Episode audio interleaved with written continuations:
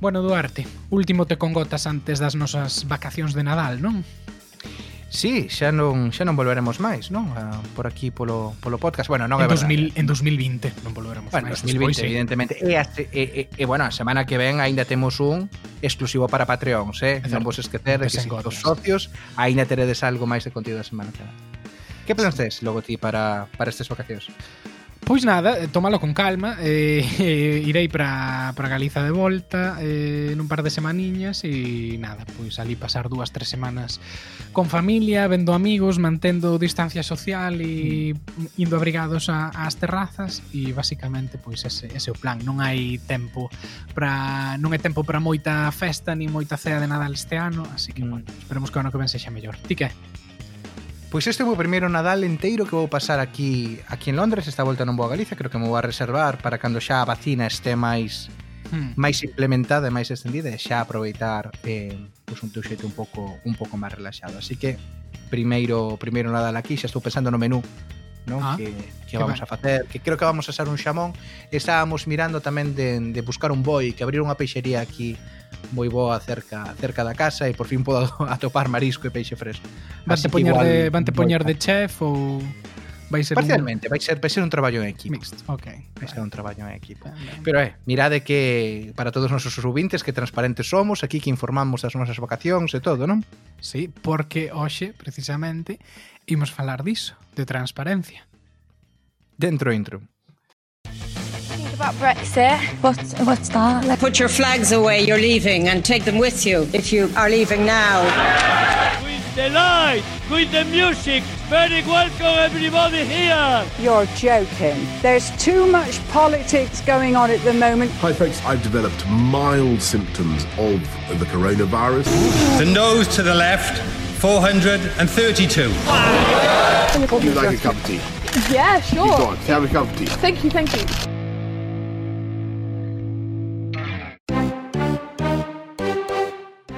Xa había tempo que Miguel e eu queríamos facer este podcast, polo menos desde que o Conselleiro de Sanidade da Xunta de Galicia, Julio García Comesaña, dixo nunha entrevista en La Voz de Galicia que non lle ia responder o xornalista á pregunta de cantos rastrexadores había en Galicia, que para que quería, para que quería saber iso. E cando nos limos eso, pensamos que sería moi moi interesante facer un programa eh, sobre a transparencia e comparar a cultura da transparencia no Reino Unido coa cultura da transparencia de Galiza e tamén do, do Estado español. E falamos da cultura e non de lei, porque ante todo isto é unha cuestión de como distintas administracións e distintos gobernos entenden os datos e entenden a información. Sempre nos deu a sensación de que alá os distintos gobernos tiñan unha visión moi patrimonial tanto dos datos como da información que manexan, no sentido de como nos estamos no goberno, pois facemos cos datos o que queremos, facemos cos informes que temos o que queremos e decidimos cando nos comen publicalos e cando non. Pola contra, en países como Reino Unido, nos que hai un pouquiño máis de cultura da accountability ou da rendición de contas, pois algo máis espallada está a idea de que os datos que ten unha administración a fin de contas son propiedade dos cidadáns que son que nos pagan e que nos financian. Entón, desta diferencia é do que queríamos falar esta semana. Non así, Miguel?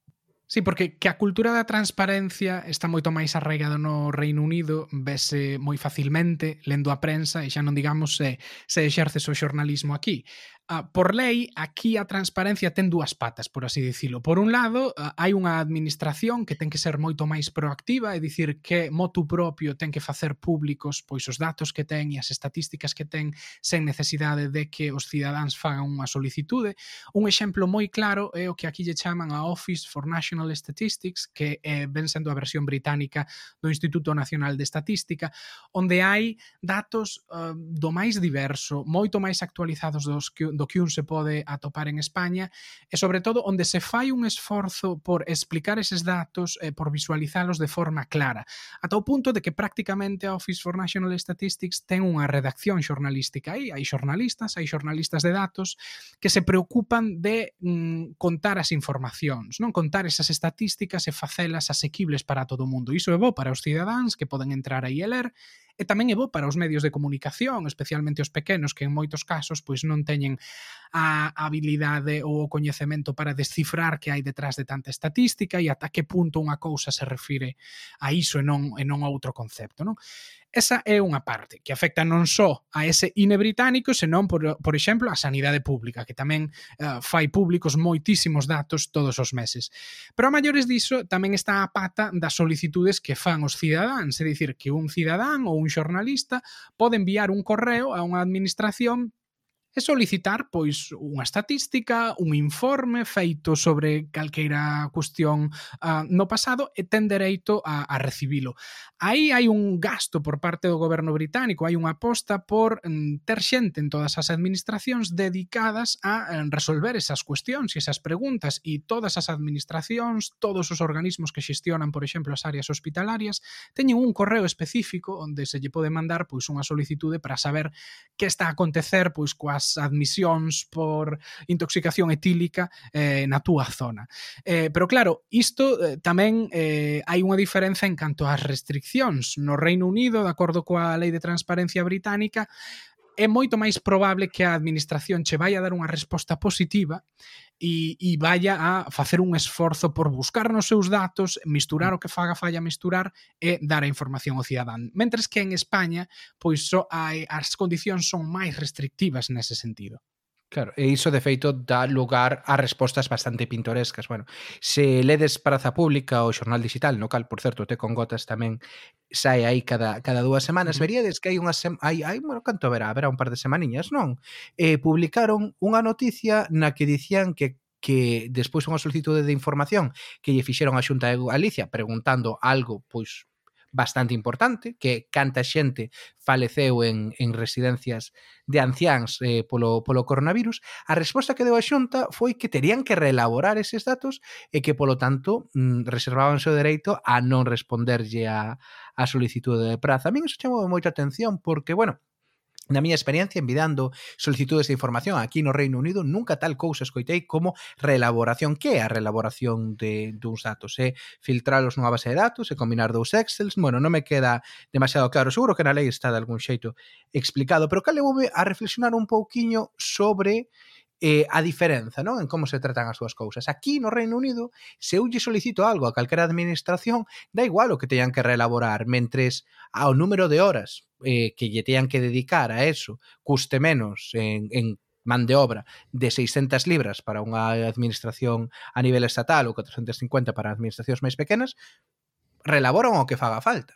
Claro. Eu iso teño visto en moitas en moitos casos de, bueno, facer solicitudes, que sei que lle levaron tempo á persoa que as, que as recompilou, eh, pero é parte do seu traballo e é parte do compromiso da administración coa, mm, eh, coa política de transparencia, non? Entón, pois esta resposta que lle diron a Praza sorprendeume. Neste caso tamén o que o, o caso de Praza é particularmente paradigmático porque eles están facendo un esforzo moi grande en poñer estes datos que pouco a pouco van recompilando de distintas fontes disponibles, abertos, accesibles a cara aos seus lectores dun xeito pois millor do que fai, por exemplo, a Xunta a Xunta de Galicia. Pois sí. E, e recentemente, bueno, outra noticia que, que nos chamou a atención saiu tamén en praza, esta publicouse pois esta fin de semana mesmo, e ten moito que ver coa, coa transparencia. O titular era A Xunta revela a empresas os datos persoais de quen lle formula peticións de transparencia. En este caso, esa información estaba sendo revelada a empresas pois que están uh, establecendo mm, parques eólicos en Galicia. Entón resulta que se ti es un cidadán da Serra de Outes ou de onde sexa e queres pois ver un informe de impacto ambiental sobre o parque eólico que se construiu ou que se vai construir eh, preto da túa casa, pois a Xunta non só lle vai dicir á empresa que o xestiona ou que se pretende instalar aí que hai alguén que fixo X solicitude de información, senón que a Xunta o que está dando é tamén o nome o DNI, o enderezo e o teléfono desa persoa. Algo que vai completamente en contra da lei, porque esas solicitudes, a pesar de que a empresa pode saber que se fixeron en caso de que queira facer algún tipo de alegación, a identidade de quen a fai é algo que deberá quedar únicamente na administración. E a propia xunta, de acordo coa coa noticia que asina David Reinero e David Lombao, recoñece que non ten ningún sentido o que están facendo e que non se pode facer, e dicir, bueno, un pouco o mundo ao revés, pero isto tamén exemplifica as diferenzas entre dous modelos, non? O modelo eh, español e o modelo británico. No modelo español, para facer unha solicitude deste estilo, eh, precisas un certificado digital, ah, o cal xa conseguilo, pois require uns trámites burocráticos, de facer o trámite online, ir a unha oficina físicamente a recoller o teu número, polo menos iso era así no pasado, a última vez que eu o saquei, e se non hai outros mecanismos, pero que tamén son algo máis engorrosos do que no Reino Unido, porque no Reino Unido ti podes mandar unha solicitude solicitude desde un correo de Gmail e recibir unha resposta. E non necesitas acreditar que o teu correo persoal, ti podes chamarlle o teu correo galloso.amo@gmail.com e vas obter resposta, sen necesidade mesmo de estar vivindo no Reino Unido.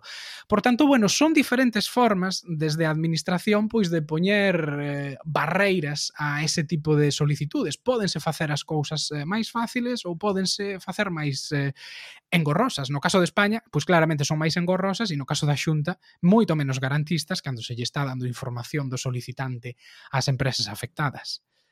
E realmente a transparencia ao final acaba mellorando moito o debate público, acaba mellorando moito o xornalismo que se fai. Aquí no Reino Unido houve moitas historias super interesantes e super importantes que saíron a raíz de a raíz de solicitudes de información que, o, que, que os xornais ou os xornalistas lle fan, ao, lle fan ao goberno. Estou pensando, por exemplo, nunha... É verdade que esta levou unha batalla legal importante, unha batalla legal que durou cinco anos, pero que a magnitude disto tamén é bastante grande. Eh, The Guardian solicitaralle ao goberno a ver ou acceder a unha serie de cartas que o príncipe Carlos escribiu a distintos ministros nas cales eh, pois, falaba da súa opinión sobre cousas moi diversas, desde, eh, digamos, os... Eh, eh, cultivos modificados xenéticamente, sobre o fracking, etc. Cuestións que para el son moi importantes, porque un terratenente no, no Reino Unido. E The Guardian quería ver se había algún tipo de influencia política non por parte do príncipe Carlos. Bueno, despois é verdade que aquí houve unha batalla legal de cinco anos, estas cartas publicáronse dun príncipe, non? Que, bueno, leva a pensar, mima, isto é un nivel de transparencia bastante alto o a televisión pública irlandesa tamén a través dunha solicitude de información conseguiu que o goberno eh, publicase as mensaxes enviadas nun grupo de WhatsApp interno sobre o Brexit e a cobertura do Brexit. Uh, hai toda unha serie de eso, de historias que pouco a pouco se van publicando nos medios grazas a un uso intelixente destas, destas solicitudes eh, de información. E iso, desde o noso punto de vista, serve para millorar o, o debate público. Pero, bueno, non son só xornalistas. Tamén no mundo da academia, se alguén quere acceder a, a, a datos pois para eh, informar calquera estudo de investigación que estean facendo, podeno facer, e iso chega a máis partes, tamén na empresa. Miguel, de feito, ti estiveches traballando nunha empresa que facía moito uso diso, non? Claro, eu, o meu primeiro chollo en Londres, pois tivo moito que ver con isto e o vin moi claramente o útil que pode ser toda esta cultura dos datos abertos. Eu traballaba no departamento de datos locais uh, da Press Association, que é pois, unha das principais axencias de, de noticias de aquí, E o que facíamos era uh, producir historias locais de forma automatizada. Isto son así un pouco, bueno, mete medo isto de robots escribindo noticias, pero o que facíamos era crear como plantillas e esas plantillas ian dar uns resultados ou outros no texto en función dos datos eh, locais que había para cada municipio, porque claro, o goberno británico fai públicas todas as semanas entre 15 e 20 estatísticas novas actualizadas de cousas do máis variado, desde pois pois eh, casos de feridos, mortes, intentos de suicidio nas cárceres do Reino Unido, esas creo que se publicaban cada tres meses, ata accidentes de tráfico, intervencións dos bombeiros, a intervencións hospitalarias de todo tipo, desde a ablacións ata listas de espera nas listas do cancro, bueno, absolutamente de todo.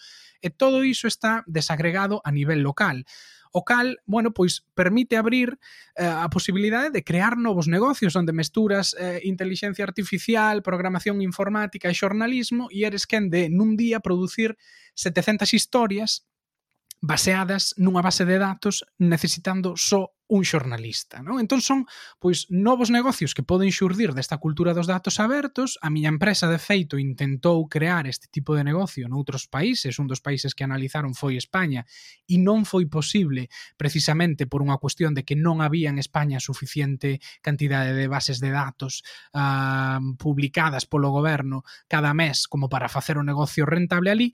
E aquí no Reino Unido, sen embargo, si funcionaba. E funcionaba non só para que alguén faga cartos, non só só para que un grupo de 10 xornalistas traballe, senón tamén pois para eh, poñer máis a lupa sobre que cousas están facendo ben e que cousas están facendo mal, porque a raíz desas historias éramos quen de ver si o mellor en certo hospital de certo concello perdido do norte de Inglaterra eh, os datos de listas de espera eh, para as operacións por cancro de testículo, por exemplo, pois eran moito máis altos que a media do Reino Unido. Entón iso servía tamén para poñer a lupa sobre a administración e sobre como se estaba estaban xestionando os servizos públicos e para axudar tamén á prensa local a despois pois eh, continuar esas investigacións, porque en moitos casos nós quedábamos aí simplemente na análise de datos e eran os xornalistas locais que nos retomaban e ían máis sobre o terreo e indagaban, non? Entón, eso foi a verdade unha, unha experiencia moi moi interesante de ata que punto isto pode pode ir máis alá de, bueno, pois de simplemente responder ás inquedanzas de algúns cidadáns.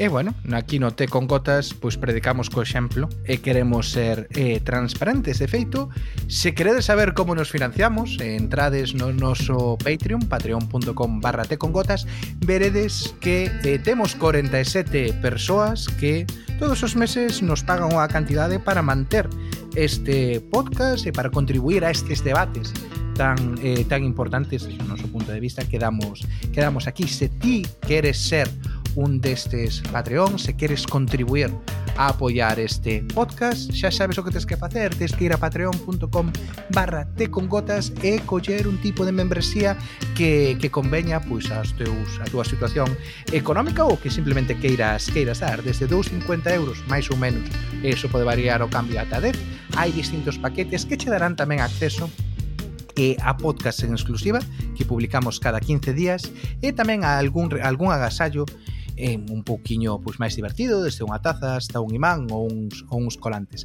Así que xa sabes, patreon.com barra tecongotas. Pois hoxe na parte da entrevista temos a unha convidada que, malia non ser unha galega no Reino Unido, sí que se dedicou nos últimos meses a poñer algo de transparencia niso da fuga de cerebros. Ela chamase Sara Fernández e é profesora de Economía Financeira e Contabilidade na Facultade de Económicas da Universidade de Santiago e é unha das coautoras do informe publicado polo Foro Económico de Galicia chamado Fuga de talento en Galicia, mito ou realidade? Sara, imos comezar xa eh, pola pregunta que vos mesmos vos facedes. Hai unha fuga de talento en Galicia? Bueno, resulta difícil, unha das conclusións é que científicamente de maneira clara non se pode responder a, a esa cuestión con seguridade na última década. Isto é, desde 2011 a 2020, pois non poderíamos ter números que nos indicasen ou que nos falasen desa fuga de talento. O que nos atopamos é que cando analizamos os datos, sí que vemos que en xeral Galicia o que ten é un movimento migratorio positivo, isto é, entra máis xente da que sale, o cual en principio parecería que un non pode falar de fuga de talento, sino o contrario, pero cando un empeza a bucear un pouco en todos os datos, o que se atopa é que moita da xente que entra eh, pois eh, vendo estranxeiro compensa a xente que sale desde Galicia ao resto do Estado español que sale eh, mayoritariamente eh, deixándonos un saldo neto aí negativo. Entón, podemos concluir eh, resposta a esta pregunta en xeral? Non. Pero se seguimos buceando, sí que quero pararme un pouquiño na parte de Galicia con España, dos movimentos que hai desde Galicia a España. E aí sí que podemos concluir que entre 2001 e 2011 sí que houbo unha moderada fuga de talento. Isto é entendida como que a fuga de talento, pois como que xente xoven con estudios universitarios deixou Galicia e foise a outras comunidades autónomas como Cataluña, como como mm, e como Madrid, que son as que maioritariamente absorben non somente o noso talento, sino o do resto do territorio. Entonces, nesa franxa de Galicia co resto de España, sí que hubo unha fuga moderada de talento. De feito, en 2011, que para o último ano que hai datos disponibles, para que vos fagades unha idea, si se calcula a porcentaxe de xente con estudios universitarios nativos galegos que saliron, foron sete. Sete de cada cen. Uh -huh. Entón, nesa parte, claro. sí que houve unha fuga de talento moderada, digamos moderada, porque non estamos no 24% de Castela e León ou no 13-14 de Extremadura e Asturias. Uh -huh. Claro, en que dirección vai esta, esta fuga de talentos dentro do propio do propio Estado? Bueno, fundamentalmente vai a Cataluña e a Madrid, Eh, bueno, Baleares tamén recibe bastante talento.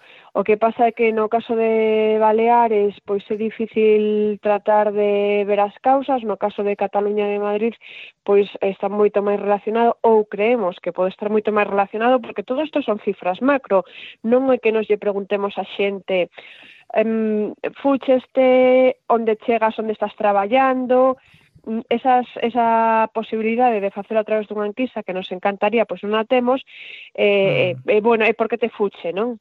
Entón, creemos que en boa parte, cando a xente se move, digamos que o que nos dice a teoría que se move ou polos hard factors ou polos soft factors. Mm. Hard factors, as condicións laborais o sea, ter unha estabilidade claro. no traballo, non, non estamos falando incluso de grandes soldos, ter unha estabilidade no traballo, ter uns eh, postos adecuados o que o que estudiache ou ter simplemente postos de traballo naquelo no que estás capacitado. E despois uh -huh. os soft factors pois explicarían cousas como a calidade de vida, mm, mm, que prefires ir? Pois prefires ir seguramente a un sitio que ademais teña unhas prestacións de servicios públicos que se xen na medida do posible boas, unha educación, un servicio sanitario, sociosanitario, etcétera. Entonces, que creemos que está detrás de todo isto? Como Os datos se basan fundamentalmente en, en enquisas que recollen a situación laboral. Creemos que o que está detrás de esta saída moderada pode ser a situación laboral, a búsqueda de maiores oportunidades ou millores oportunidades. Eh, pero bueno, incluso, bueno, comentabas antes que Galiza ten un saldo migratorio positivo no sentido de que entra máis xente da que da que sae, pero temos algún tipo de información sobre o nivel de cualificación da xente que entra comparado coa que sae? Non, Esa é unha, bueno, non ou nós non mm. atopamos, esa, esa é unha das grandes interrogantes que deixamos aberta, non? Porque o título, a verdade é que é moi atractivo, pero logo pasa un pouco como cando empezas a ler mm. a novela e dices, pero isto non se corresponde, non me están respondendo, non? Ou non, non me están respondendo como eu quería, porque eu coñezo a fulanito, coñezo a menganito, que se foi, e que... Non, entonces non temos esa información. E máis, eu iría a outra información que tampouco temos e que me parece sumamente relevante E que sucede? Que sucede se a xente, eh, incluso que se vai ou a xente que entra, vaise buscando postos de traballo que tampouco están adecuados á súa cualificación. Porque, por exemplo, nestos momentos, pois seguramente nos atopemos que nos últimos anos pois hai unha entrada forte de inmigración.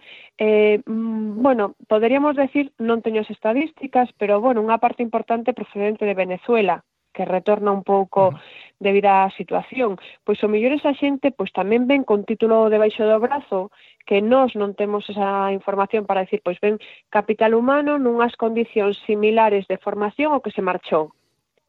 Pero que incluso claro. esa xente o mellor acaba traballando en postos que non eh, que están por debaixo da súa cualificación. Entonces, é como que hai que responder dúas cousas, a nivel de formación e os postos que se acaban ocupando. Ou temos o mellor xente que se marchou de Galicia, pois como estades vos en, en Inglaterra ou noutros países, e o mellor tampouco eh, estades nos postos adecuados a vosa, a vosa cualificación. Uh -huh. Entonces, eh, non sabemos tampouco despois se si esa fuga de capital humano se, transfo se obviamente o nivel de formación que se, que se eleva, pois esa si pode cuantificar, é dicir, pois eh, estamos falando de que se nos vais un talento con máis formación da que ven ou, ou ao revés, pero logo a segunda cuestión de análise, vale, pero estamos aproveitando isto porque o mellor venche talento moi moi formado que acaba desempeñando postos, pois non se vai a mencionar ningún tipo de posto por non descalificar a ninguén, non, pero que non son adecuados á súa formación, entonces boa parte das súas competencias estáse a perder, non se está a aproveitar, por decirlo así. Claro.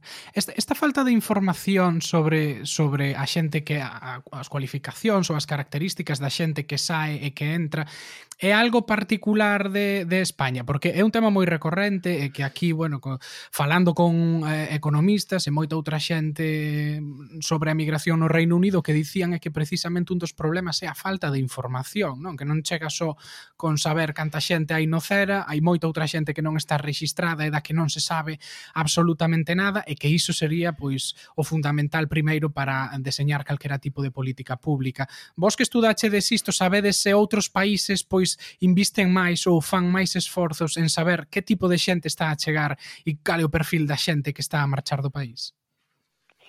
Eu, la, a verdade, non podería responderche se os outros países invisten máis nese tipo de, de mm, mm, digamos, de política cero, é dicir, busca de información para tomar despois unha decisión, que me parece básico, me parece mm. básico. Mm. No noso caso, que podemos decir que é unha cuestión xeralizada do, de todos os territorios que, que estamos en España, é dicir, eh, seguramente preguntas en Asturias, estás no, na mesma situación, e eh, preguntas en Cataluña, estás na mesma situación. Que sucede? Que o millor despois o sistema de recopilación de información a través do INE, do Instituto Nacional de Estadística ou do IGE, pensa que esos datos están cubertos por outra vía, eh, o millor entre todos é o típico de de estamos aquí todos e a cociña por barrer, non? E ninguén recolle esa información. É máis, eu penso que non debería ser moi difícil recoller a información da xente que entra, porque hai que pensar que sí que é certo que na nosa comunidade agora hai programas de retorno, eh, temos a un montón de xente que volve de alguna forma, entendas, entre comillas, registrada. Mm. Por exemplo, nas mm. universidades estamos recibindo nos últimos anos cos programas estos de, de bolsas para fillos e netos de emigrantes, uh -huh. un montón de xente que ven a estudiar de toda Latinoamérica, esa xente está registrada, ten unha beca, vai a recibir acreditación, pois creemos que mellor non costa tanto facer un pouquiño máis de esforzo e seguirlle un pouco a pista, sobre todo nestes momentos en que prácticamente todos temos un montón de información que lle damos gratuitamente ás empresas privadas e que nos teñen xeolocalizados a maior parte do tempo. Entón, mm. utilizar este tipo de información para diseñar políticas públicas, pois non debería ser moi moi difícil. Non debería, bueno, un fala desde a teoría, non, pero eu penso que na práctica mm o millor un pequeno esforzo de cada X tempo rastrear, porque non pode ser que vos este dando datos de 2011, e que estamos en 2020. Claro, claro. Estamos esperando claro. o seguinte Sobre todo tendo en conta que esta década esta década tivo moito... É que, é que calquer... Mo... Bueno, posiblemente tivo moito impacto aí na, nos movimentos migratorios. Calquer movimento, o sea, calquera no que pensemos desta década, xeneran movimentos de décadas. Eu penso mellor, o me vais un pouco do tema de Galicia, non? Pero eh, hmm. 2015 a crise do Mediterráneo Siria canta xente migrou, é dicir, claro. xenera movimentos de décadas anteriores. E logo chega, bueno, o tema de Venezuela que, que mm, vai con unha saída continuada de capital humano, ben sexa Latinoamérica, ben sexa España. Cal, bueno, COVID, mm. que pode provocar? Dicir, calquer movimento dos últimos anos, dun ano, é, é, é, é tan amplificado en relación co que nos sucedía o mellor fai 20, fai 30 anos, e claro, cabe pensar que despois da crise se as cifras que tiñamos no 2011 eran de 7 de cada 100 eh, persoas con estudio universitario, no 2011 pois o mellor aínda faltaba o 2012 ou 2013 de, como consecuencia da crise, e do que veu despois probablemente en 2021 estemos falando de cifras por riba do 7, ou en todo caso manténdose no 7, pero sí cabe pensar que a tendencia foi un pouco por aí e non hai cifras destos, destos últimos anos. Xa.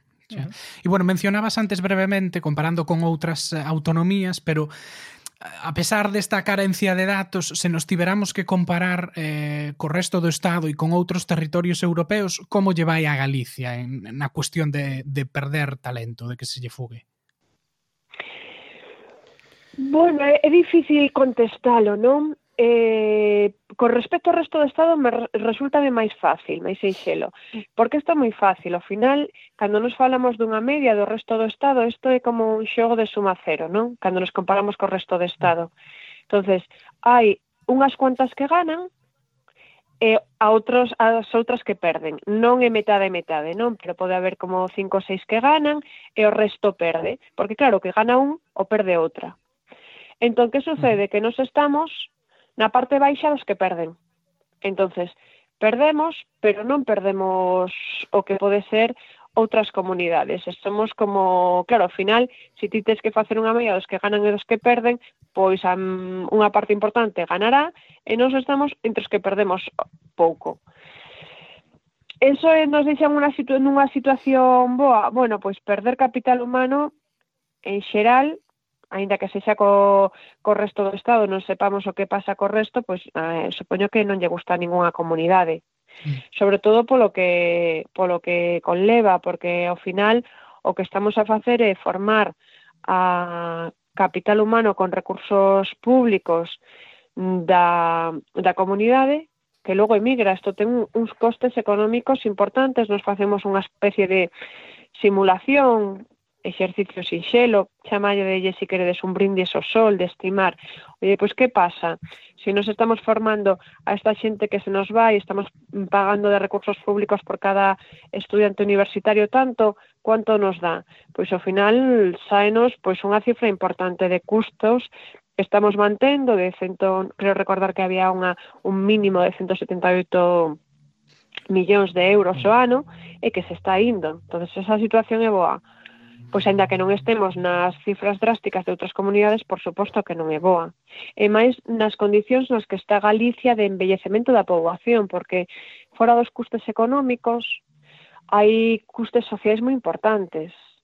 Eh, xente que se vai e que logo os seus pais o mellor quedan nunha política de dependencia que de momento non está coberta, esa xente que de alguna forma desatendida, nenos que de alguna forma deixan de nacer, eh, sociedade civil que se forma, porque con independencia de, insisto, sin saber o que o que é o capital humano que vende estranxeiro, cando tes xente, bueno, pois pues entre 30, eh, 40 e pico, 50 anos con formación, pois poden xerar unha sociedade civil que reflexione, que pida cultura, que abra debates, que pelexe polo reciclaxe, que pelexe por unha serie de, de cuestións activas fortes.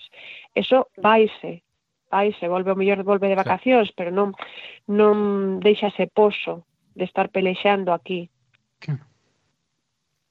claro. Eh, se nos comparamos, igual non tanto Galicia, pero si sí o Estado con outras eh, territorios da, da Unión Europea, cal é a situación máis global, digamos, da fuga de, de talentos? É que ese análise non o podo facer porque nós non, non comparamos con outra situación da Unión Europea, entonces mm, non che podo falar de, de eso porque non fixemos un análise claro. máis alá.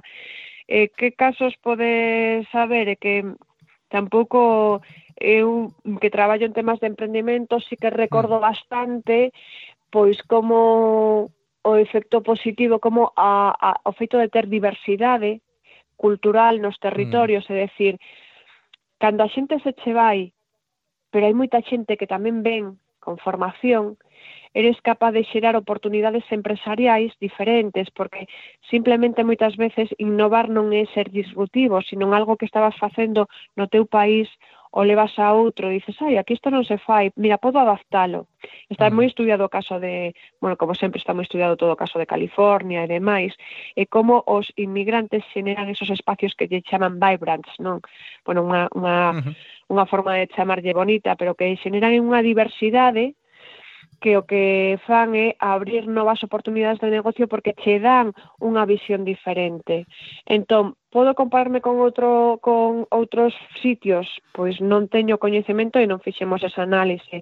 No pouco que eu lin o mellor de ecosistemas emprendedores, pois esos casos de, de Berlín, de xente que se vai para Berlín, de xente que se vai para Silicon Valley e demais, o que che demostra é que ao final ese talento chegando, chegando, chegando, xenera, bueno, frustración dos talentos que non van a salir aí archimillonarios, pero xenera, mm. xeneran moitas oportunidades de negocio, un entorno bo para, para, para emprender, crear empresas e chamar a máis talento. Uh -huh. E así un pouco para eh, resumir, non? O, eh, que recomendacións facedes a raíz do, do informe de cara a intentar previr esta fuga fuga de talentos? Pois as recomendacións son un pouco as de sentido común, é dicir, non vamos a, a decir nada novo. A primeira, desde logo, é, eh, é básica, que lle chamamos a recomendación cero é medir o fenómeno, cuantificar o fenómeno, mm. porque en estos momentos estáse gastando diñeiro público en este tipo de políticas de retorno, en este tipo de políticas incluso incluso algunhas humanitarias, de traer a, a persoas de outros países co talento que veñan e eh, darlles aquí unha, unha segunda posibilidade eh, se nos estamos gastando ese diñeiro pois non costa nada gastar un pouco máis e ver se somos capaces de sacarlle partido a ese talento e que esa xente se vexa tamén recompensada. Entonces, a primeira é tratar de cuantificar o fenómeno para diseñar medidas. E logo o resto de medidas pois pasan fundamentalmente polas medidas que xeneran un ecosistema emprendedor que cree que cree traballo, que cree unhas condicións de mercado laboral apropiadas ao que estamos formando, que poden ir desde incrementar o gasto en máis de máis sí, pero non o público solo, sino tamén o privado, o de facer que as empresas teñan un maior tamaño, porque as microempresas bueno, está bastante estudiado que non xenera moito traballo, en cambio as empresas de certo tamaño xa teñen unha posibilidade de despegar de un crecemento forte eh, eh, ser nese sentido eh, empresas de alto crecemento xerar traballo, van desde a cooperación entre os distintos axentes, decir, non pode ser que cando nos reunimos as universidades, cas empresas, co goberno, todos nos digan que eu estou buscando este perfil e non o topo E nós estemos formando a xente, en cambio, que se coloca perfectamente noutros lugares do mundo. Entón, o mellor temos que, mm. que falar e decir, bueno, pois o mellor nos diseños dos grados, nos diseños das FPs, pois o mellor o que temos que facer é ver que estades buscando, que non me digades que tedes que ir a buscar a unha persona especialista en marketing digital a Madrid. Pois porque o mellor aquí somos capaces de facelo, eh, se si sabemos o que o que se busca. En cambio, estamos formando a xente que acaba indo a traballar pois a outro sitio e que aí demostra que sí que sabe facelo, pois poderemos entre todos cooperar. A idea é ser capaces de, bueno, por suposto, tratar de xerar unhas soft eh, conditions, é dicir, eh, un entorno, os servicios públicos que ti quedas, bueno, pois o mellor me volvo a, a a Galicia e gano menos. Bueno, gano menos, pero mm. probablemente a miña calidade de vida como un soldo pois poda ser equiparable, pero claro, que logo cando teño que deixar unha guardería para deixar aos rapaces ou se teño que ir a traballar e o meu pai ten Alzheimer e teño que deixalo nun servicio, nun centro de día, pois ter unha serie de servicios mmm, vos que che cubran ese tipo de, mm. de cuestións. Unha cousa tan básica como infraestructura tecnolóxica. É dicir, non estamos mal comunicados, non estamos mal comunicados se nos comparamos co que pasaba fai anos, pero sí que hai mm. zonas onde aínda non tes unha cobertura de banda ancha importante, entonces ti queres traballar cuatro días aí e viaxar un, porque tes que viaxar un a Madrid e os cuatro días non os podes traballar en determinados entornos rurais, porque non tes ese acceso. Entonces, bueno, mmm, hai unha serie de condicións que tratan de facer o entorno máis propicio para crear traballo, pero non solamente polas condicións laborais, sino tamén polo que decimos das outras condicións adicionais, e para que a xente queira volver ou queira vir, sin máis, aínda que non sexa daqui. Se ti eres capaz de xerar eso, a outra das políticas que propoñemos, que é seguir eh, tratando das políticas de, de retorno, pois non che, chegará un momento en que non che faga falta. Eu, eu comparo un pouco cas políticas de discriminación positiva hacia as mulleres. Eu estou moi a favor desas políticas, mm. o que espero que sexan políticas a medio plazo, que logo chegue un momento en que non sigan facendo falta. Pois isto isto é o mesmo, es decir, as políticas de, de atracción de talento, as políticas de retorno, pois a ver si neste interim nos sirven, pero dentro de 10 anos non fai falta falar delas. A xente se vai porque quere e a xente ven porque quere, non porque se vexa empuxada a irse.